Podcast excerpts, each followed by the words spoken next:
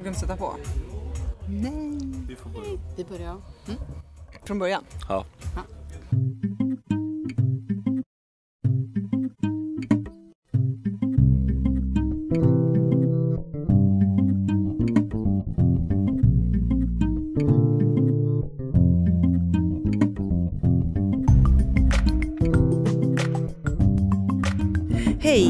Här är podcasten Social by Default igen och precis som alltid är det jag, Sara Larsson Bernhardt, som tillsammans med Deeped Niklas Strand gör den här podcasten. Podcasten, precis som konceptet Social by Default, är ett samarbete mellan Know It Experience och United Power.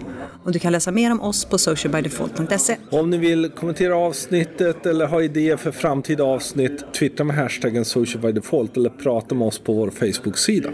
Hej Sara! Hej Niklas! Hur är det? Det är bra. Jag har precis kört färdigt två stycken föreläsningar. Det känns bra. Mm, det var kul. Det var lite kort. Det var 45 minuter. Det är ganska ovant för oss att göra så korta nedslag. Ja, precis. Och framförallt är det en utmaning att, att hålla samma föreläsning direkt efter varandra. Mm. För då känns det som att, har jag inte redan sagt det här? Och det har man Delvis det ju. också. Och plus att man liksom kom på, och det där borde jag ha sagt och så säger man det och så kan det lätt bli kanske ibland lite längre saker man säger och sånt saker. Så ja, spännande utmaning. Säger han och tittar på mig som om det var jag som... Nej, det var inte bara du. Det var nog vi båda som kom på saker vi hade. Ja. Men eh, kul var det. Vi är i Borås. Ute på Åhaga, På där en, vi gästar en hemlig konferens. Ja, precis. Så eh, det har vi gjort idag. Annars är det ju fullt ös, som vanligt. Precis. Vi har jobbat några dagar helt enkelt tillsammans. Mm, du har varit nere i Göteborg ett par dagar. Så nu drar jag hem en sväng. Sen nästa vecka så kommer vi jobba mer ihop med spännande, jobba med personligt varumärkesutveckling på sociala medier och så drar vi till Umeå nästa vecka. Mm, så att om vi avslutar podcasten nästa vecka så har jag frusit ihjäl i Umeå. För jag Ja. är fortfarande ångest över vad jag ska ha på mig i, i dessa minusgrader. Du är ju inte från Norrland direkt. Nej, jag fryser ju 6 plusgrader. Det den här podcasten kommer handla om är ju helt enkelt att vi har plockat upp ett, ett av spåren vi hade i våra spaningar. Det gjorde vi och bjöd in en gäst som vi träffade igår på Hotell Europa där vi satt i loungen och eh, pratade med henne om just influensmarknadsföring. Otroligt spännande ämne det. Helt klart det som ser ut att bli en väldigt viktig del av dels antagligen vad vi delvis kommer liksom lyfta väldigt mycket under året och som man ser utvecklas på olika sätt. Så den intervjun kommer ni få lyssna på här. För två podcast sen så hade vi vår första trendspaning och då pratade vi en del om influensmarknadsföring och mikroinfluenser. Hur vi ser att det här är någonting som kommer växa sig ännu starkare under 2017. Mycket på grund av därför så har vi bjudit in en gäst till programmet idag, Miranda Jansson som också heter mycket Mira i de flesta sociala kanaler. Som vi lärde känna för eh, lite drygt ett år sedan när hon var en av våra deltagare på kursen på Bergs. Och efter det så har vi hängt en hel del, vi har diskuterat tillsammans och utbytt erfarenheter. Så det är fantastiskt roligt att du vill komma hit och gästa oss i det här programmet. Alltså, tack så hemskt mycket för att jag får vara här. Jag känner mig otroligt smickrad och lycklig över det. Och eh, jag, eh, ja, jag måste ju verkligen säga att det känns ju inte som att det bara är ett år sedan. Utan det känns ju som att det är väldigt, väldigt länge sedan, tycker jag själv. Men det, det är säkert sant. Det var säkert ett år sedan. Ja, eh, mycket Mira, eller Miranda Jansson, eh, heter jag. Jag driver ett företag som heter Create and Consult eh, som jobbar med influensmarknadsföring. Eller jag kan väl säga att jag är lite rädd ibland för att säga att det är influensmarknadsföring för att epiteten ändrar sig. Och eh, jag sysslar ganska mycket med digital PR. Eh, men det är också ett sånt där, det finns lite olika trendord i våra branscher. Och eh, ibland så är det nästan bäst att säga att man jobbar, jag jobbar med kommunikation egentligen. Okej, så vet ingen vad man gör. Så vet ingen vad man gör.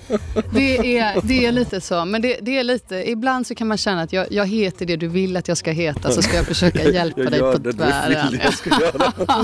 Precis, Ja, så trevligt. så trevligt. Men generellt så jobbar ju du ändå med influencers med att jobba helt enkelt med, jag vad säger, är det lånade eller förtjänade kanaler egentligen en influence marketing handlar om? Både och skulle jag säga. Det är väldigt eh, både och. Det finns alla, det håller nog på att ske en förändring där och det hela PR-branschen håller på att eh, ändras fullkomligt. För du berättade lite för oss innan mm. att du har kört ditt företag sedan 2012 i ja. egen regi. Innan dess har du jobbat på ett antal byråer och så. Vad har hänt med marknaden, just influensmarknadsföring och sättet att jobba med influencers från 2012 fram till nu? Ja, det har blivit en oerhört stor eh, förändring skulle jag vilja säga. För när jag började så gick väl nästan de första två åren mer eller mindre på att förklara för företag att överhuvudtaget bloggare skulle kunna vara en potentiell kanal att arbeta mm. med. Och då var det fortfarande så...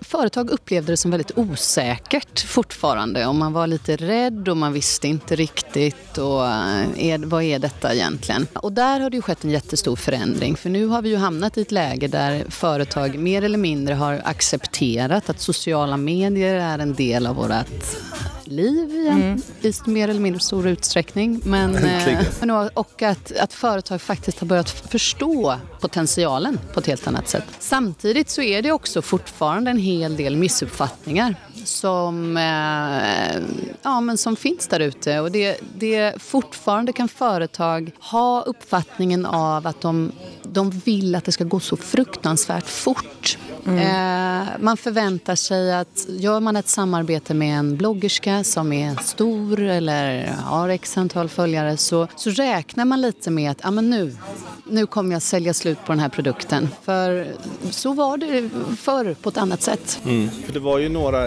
gånger som eh, Isabella Löwengrip kunde visa en tröja på Blondinbella och den sålde slut. Alltså en Tina-effekten mm. men i sociala medier som gjorde att alla vill ju titta på det. Så generellt aldrig går det ju nästan så idag. Det... Inte riktigt eh, på samma sätt, nej. Och, och, jag tror att följarna också har ju blivit... Förr så var det så ofiltrerat. Man var så eh, fortfarande väldigt färsk på det så att säga. Så att man, man, eh, man trodde mer på kanalerna egentligen. Mm. Man var, hade, hade en helt annan tröskel i, Idag har vi lärt oss att filtrera på ett annat sätt och förstår att det är produkt placering. Ja, exakt. Vad gör det för skillnad då? Jag menar om, om du jobbar med en, en modebloggare till exempel och den ja. personen klär sig eller lyfter vissa plagg. Jag som målgrupp. Mm. Bryr jag mig om det egentligen? Jag skulle säga att du bryr dig mera om det är ett företag som betalar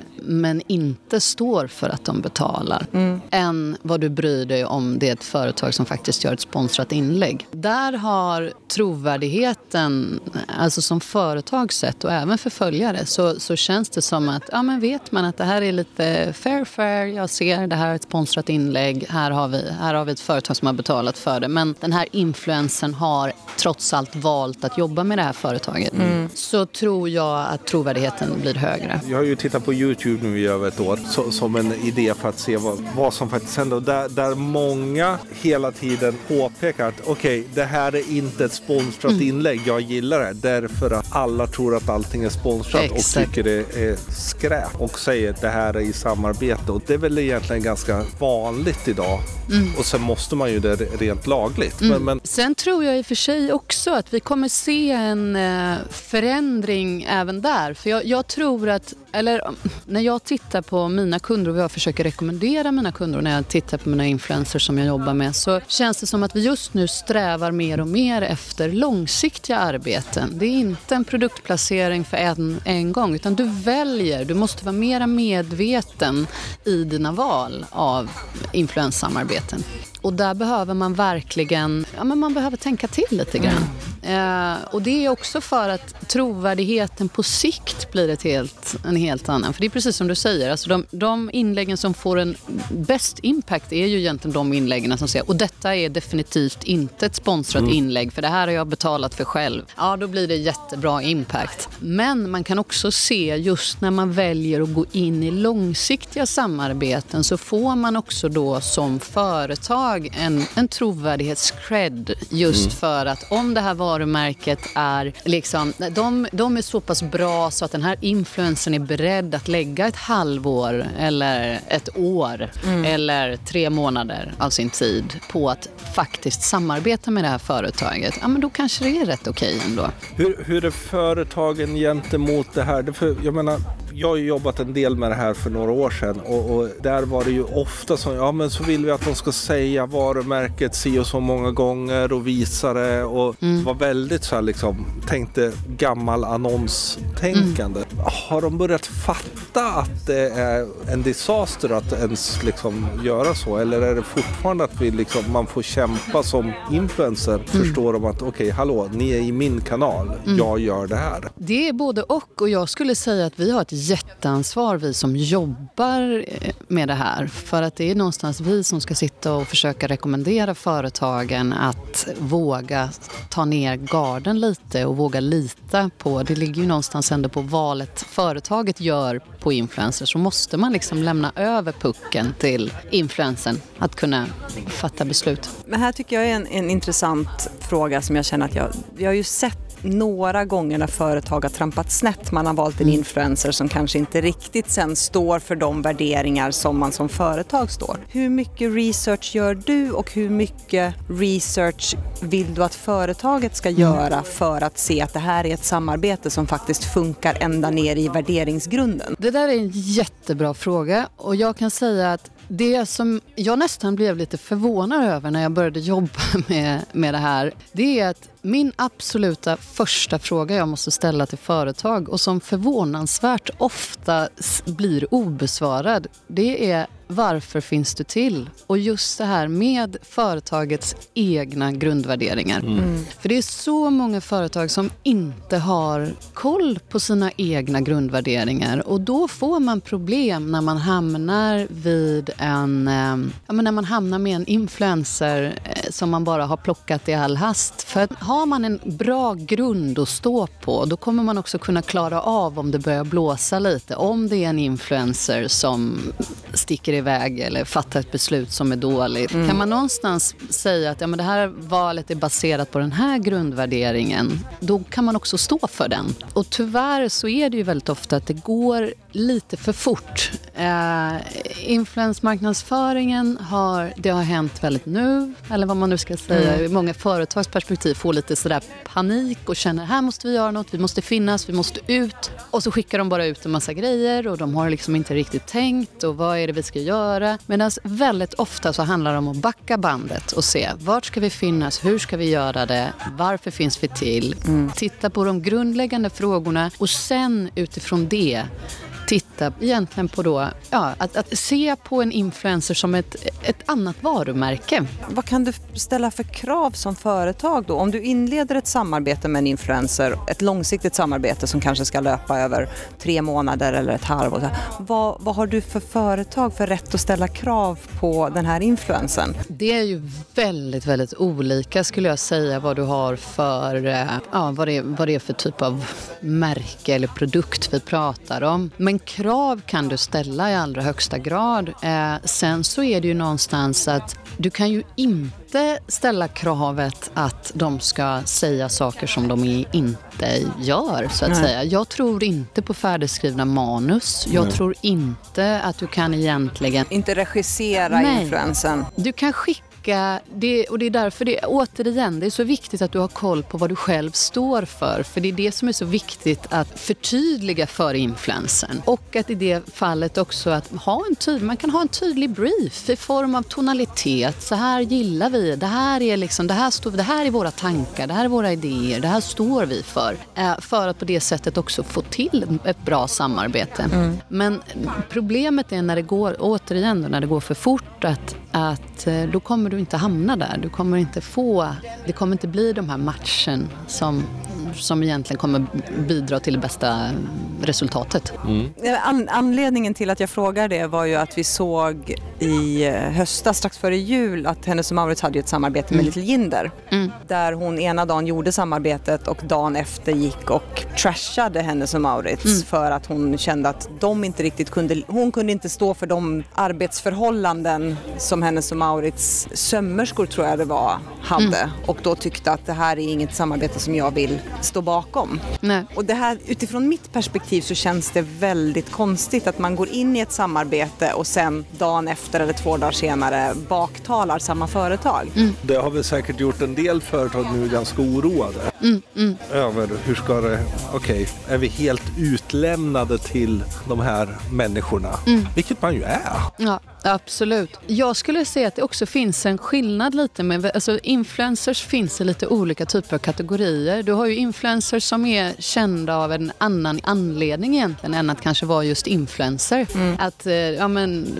sångerska eller artist eller låtskrivare eller designer. Mm. Och det ska man ju också komma ihåg som företag när du gör samarbeten. Gör man samarbeten, jag skulle vilja säga av, av de erfarenheter jag gör, och själv har, är att när man gör samarbeten samarbeten med eh, personer som enbart är influencers. Alltså de har blivit stora för att de är duktiga på Instagram eller de är duktiga på Youtube eller på blogg. Då är de också väldigt, väldigt professionella i, sin, i sitt skrå. Mm. Medan en influencer som till exempel Little Jinder som egentligen i första hand inte inte är, jag menar hon är känd för helt andra saker. Mm. Då blir det också, då kommer hon också ta det samarbetet på ett lite annat sätt. Mm. Och det skulle jag eh, säga är också en sån sak som man får liksom, ja men som företag, att man får försöka tänka till lite. Vad är det? För att jag måste säga att jag slås verkligen av att de influencers som, som är duktiga,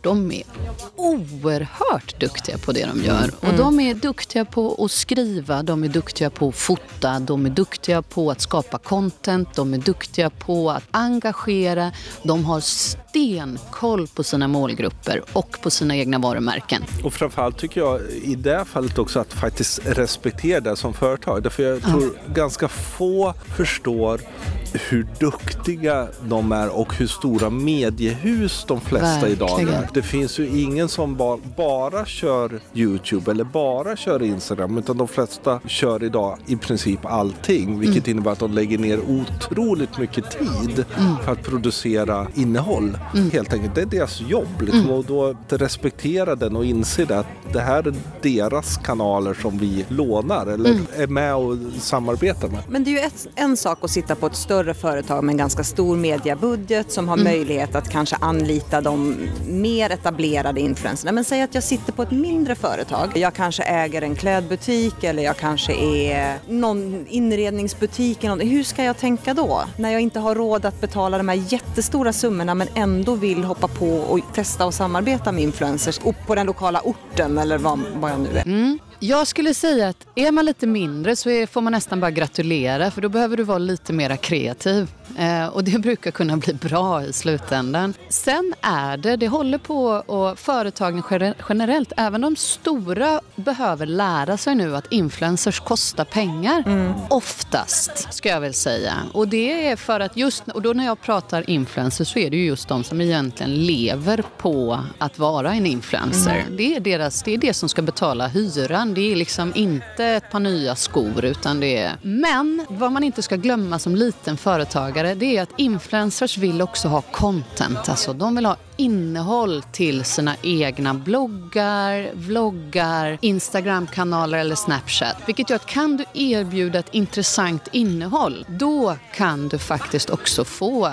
placering. Mm. Och där är ju liksom, idag på pressluncher mm. är det ju inte journalister som var oftast där utan det är Nej. ju bloggare och vloggare och det, mm. jag vet flera företag som idag inser det och liksom har gjort setupen inte för journalister utan för, ja, här mm. har vi liksom ett gäng manfrotto-stativ ifall du glömt det och liksom här har du ett bord du kan liksom... Mm. Man kan försöka tänka, jag, jag, skulle göra, om jag skulle vara ett litet företag, då skulle jag titta på att göra en, egentligen en persona av min kund. Mm. Där man tittar på vad är min kund faktiskt intresserad av? För har du en klädbutik och så börjar du titta titta på hur din kund faktiskt ser ut beroende på vart den ligger geografiskt, vad du säljer för typ av kläder så kommer din kund vara intresserad av olika typer av saker. Och då kan man också börja titta på, på bloggare eller influencers som har deras följare har kanske samma intressesfär men det är inte nödvändigtvis en modeinfluencer du ska samarbeta Nej. med. Utan du kanske mera ska titta på om du har en tydlig person och så tittar du, min, den här inrednings försäkringskunden eller den här modekunden,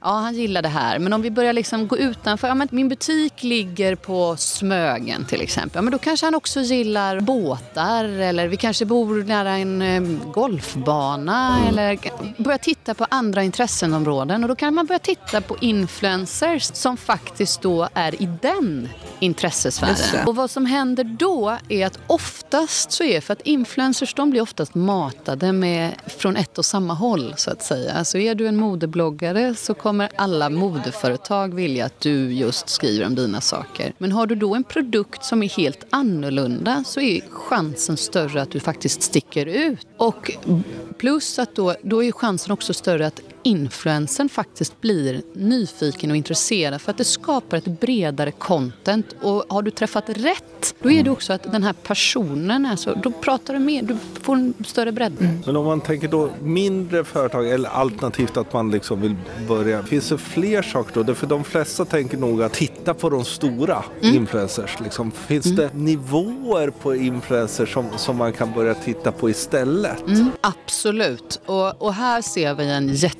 jättetydlig trend skulle jag säga. Jag tyckte ni sa det så himla bra. Ni som inte har lyssnat på Trendspaningen del 1 där som kom nu 2017 så gör det om influence marketing för det var väldigt spot on tycker jag. Just det här med ambassadörer, mikroinfluencers, det är någonting som jag tror väldigt starkt på och som jag ser i, i de trendspaningar som jag gör att där har man en möjlighet att påverka på ett helt annat sätt. Och det, Vilka är de? Liksom? Det är det som är, där har du allt. Alltså jag skulle säga som litet företag, så börja med att verkligen titta på ditt eget nätverk. Det lokala nätverket, mm. starka ambassadörer i din egen stad. Har man en person, börja bearbeta dem. Sen är det absolut det bästa. Alltså är du själv, är du trovärdig och autentisk som företag, ta kontakt.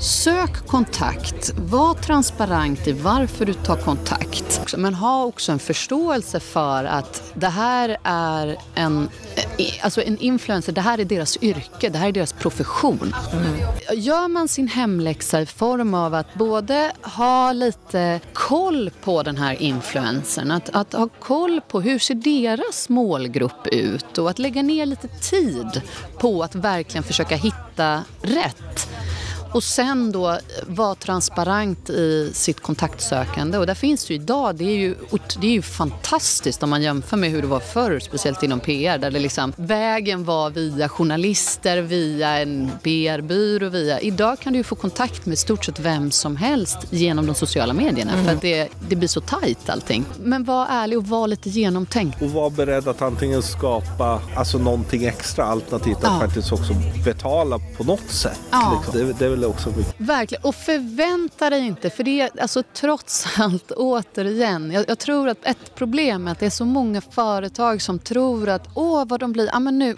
gud nu skickar jag ett par jättesnygga skor eller en helt fantastisk, eh, den här jackan eller, men det är ju trots allt så lik förbaskat så de, det, är, det här är vad de lever på. Får de bara skor och jackor veckor så kan är, de inte betala hyra och kan de inte betala hyra och inte mat. En, en fundering då, finns det några fällor man kan trampa i som företag? Ja, hur många som helst tyvärr. Till exempel?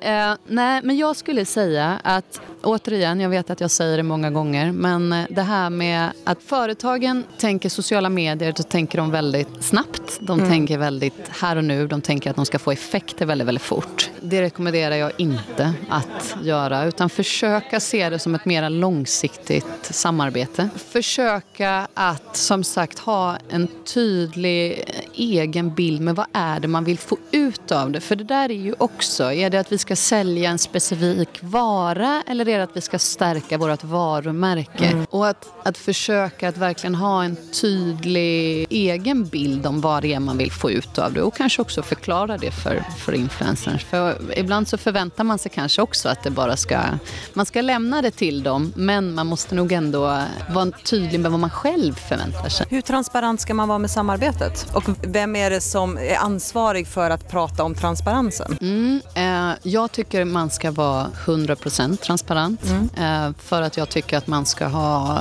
gjort en sån pass hemläxa i val av influencers så att man faktiskt kan stå för den influencern. Jag tycker att det är jätte, jätte, jätteviktigt. Um, jag tycker också i det att företagen måste ju bli bättre på att uh, ta ansvar i det. För att det är klart att det är en skillnad och det, även om influencers har blivit mediahus, för det har de ju mm. verkligen blivit, så är det ju inte alla som har kanske ja, men den, alltså fått utbildning inom det och så vidare. Det kan ju vara en mängd olika variabler som ligger i grunden som där det inte riktigt finns kunskap hos mm. en influencer. Och rekommendationen då är egentligen kanske att gå via någon som du som både har kunskapen och mm. vet vilka influencers som är rätt för de här företagen också kan lagar och regler och krav. Och... Nu är jag ju helt opartisk men jag måste ju verkligen hålla med dig där. jag tror att det är det bästa. Men ganska många eh, mm. ser man nu så här vill ju bli influencer. Mm. Men de, de tokpluggar eh, mm. Casey Neistat-filmer, mm. eh, man, man kollar Janne Deiler, man, man liksom mm. Therese Lindgren och tänker och köper alla kameror. Och så. Hur blir man en, hur ska man börja och hur, hur ska mm. man göra det? För jag menar visst, content, men sen då? Alltså jag skulle säga blod, svett och tårar och de brukar faktiskt ganska ofta sålla ut sig själva efter tid. För det är lik förbaskat samma sak där. Jag må låta lite tråkig när jag pratar om det här med snabbheten. Men, men även där så tror de ofta att det går så vansinnigt fort och det kan det göra. Men det är arbetet som ligger bakom och det handlar om att vara uthållig. Mm. Tålmodig och uthållig och leverera på en nivå som är konstant lite, lite stigande under mm. ganska lång tid. Då kan du bli en influencer. Och våga investera. In. Och, och sen, sen måste jag också säga, det, det återigen så kan man nästan också titta på eh, lite samma sak med, som företagen. Varför finns jag till? Det är samma fråga som influencers måste ställa sig också. Blod, svett, tårar, passion och trovärdighet då? Verkligen. Och en personlig stil väldigt mycket. Ja, men jag tror personlig. Ibland så lyckas de fast de inte alls är personliga. Man kan ändå slås av hur många väldigt likadana konton det finns ja, det som är ja stora. Men framför allt så är de autentiska, de är trovärdiga och de håller en nivå som är, ja, men den är konstant egentligen. Och de har oftast en väldigt tydlig profil. Och det skulle jag säga, där är det ju också någonting som har ändrat sig från när jag började. Att då kunde man vara lite mera spretig i sin profil egentligen. Mm. Man kunde visa lite vad som helst och uh, kunde vara, prata om lite vad som helst och sådär. Och så kunde du ändå bli väldigt stor. Men idag så tror jag att det mer och mer, du, du nischar dig liksom. Man, man blir väldigt branschspecifik. Eller humorspecifik, eller mm. vilken nisch. Kanaler då? Vilka är mm. de viktigaste kanalerna? Om, om vi går tillbaka som företag. Mm. De viktigaste kanalerna att titta på, att börja förstå för att liksom ta sig vidare. Jag menar, är det mm. ens intressant att titta på bloggar? Ja, det, det kan man fråga sig. Definitivt. Jag skulle nog säga att det är väldigt, väldigt, väldigt beroende på vad det är för typ av produkt och vad det är för typ av företag du jobbar med. För att det finns ju fortfarande branschbloggar som kan vara, alltså jobbar du med teknisk vetenskap eller alltså så kan det fortfarande kunna vara intressant att titta på ett, den typen av bloggsamarbete. Jobbar du med en mera, ah, vad ska man säga, alltså slutkonsument på ett annat sätt, mode till exempel, då är det ju definitivt visuella kanaler som visar och som pratar betydligt mera eh, större vikt än en blogg. Sen så skulle jag ju säga att eh, man ska följa den influencer man väljer ut och sen ska man titta på hur engagemanget i flödet ser ut.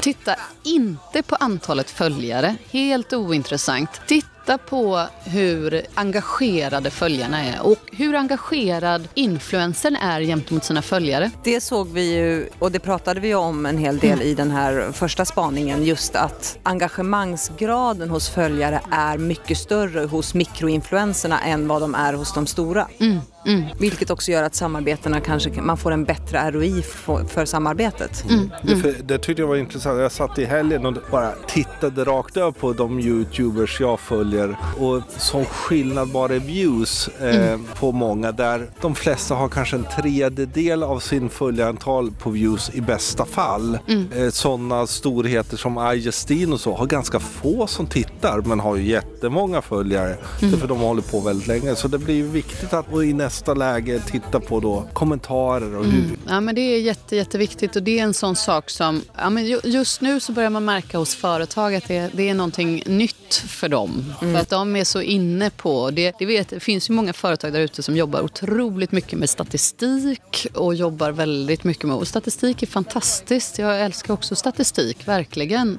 Men lik förbaskat så ska jag ju någonstans sälja varor oftast om du anlitar en influencer. Mm. Och då är det väldigt, väldigt viktigt att målgruppen är mottaglig egentligen och faktiskt litar på att, att din influencer har en trovärdighet. Om man är ett företag, mm. stort, lite, det kanske är skitsamma, men vilka tre svenska influencers är enligt dig mest intressanta att titta på för att förstå influence marketing? Oj!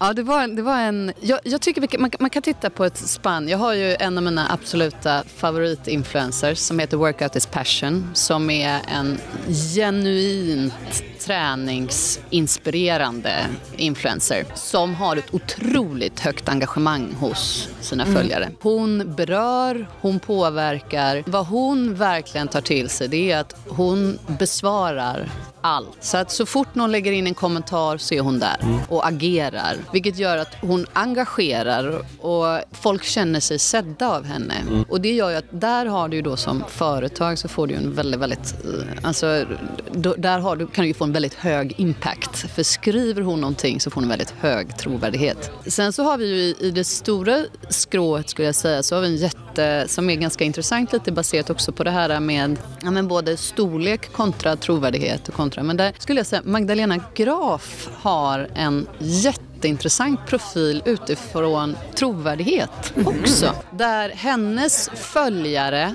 är, hon har en av Sveriges absolut största bloggar och hennes följare är också så att hon, de känner att de känner henne. Mm. Och hon jobbar fortfarande på det lite, vad man ska säga, gammalmodiga ja. sättet. Liksom. Det är mer traditionell blogg, person ja. hon skriver. Men hon lyckas hålla det för att hon har den här tajta kontakten med sina, ja, med sina följare. Någon som är up and coming då? Då skulle jag säga Emily Turling. Alltså hon är en uh, New York-baserad tjej som är otroligt spot on med sin, uh, hur hon jobbar med sig själv som varumärke. Jag skulle säga både i form av uh, ja, alltså, ärligheten, trovärdigheten, i form av att hon vågar ta gränsen utanför det perfekta, fast det blir ändå det. Mm. Så hon jobbar med Instagram på ett väldigt intressant sätt. Gud vad roligt. Mm. Tack snälla Miranda för att du ville komma hit. Jätteintressant. Tack snälla för att jag fick komma. Så roligt. Hon är så otroligt skön, Miranda. Jag tycker det är så kul att få möjlighet att träffa henne så här och mm. prata med henne. Hennes alla länkar och sånt där, det finns i show notes. Och de hittar ni ju precis som vanligt på podcast.socialbydefault.se. Glöm inte att prenumerera på podcasten, för vi fortsätter försöka få ut dem varje vecka. Vi finns på Soundcloud, självklart på iTunes. Vi finns också på svenska Acast och på något som heter Stitcher som gör det så vet ni när vi släpper nya saker. Och gillar ni vår podcast, ge den jättegärna betyg och vill ni recensera den så gör ni oss jätteglada. Som vi tidigare sagt, tyck till med hashtaggen socialbydefault och vill ni nå oss på Twitter och Instagram så heter jag Sanna C. LB överallt. Och jag heter såklart atdeeped överallt. Så tack för oss!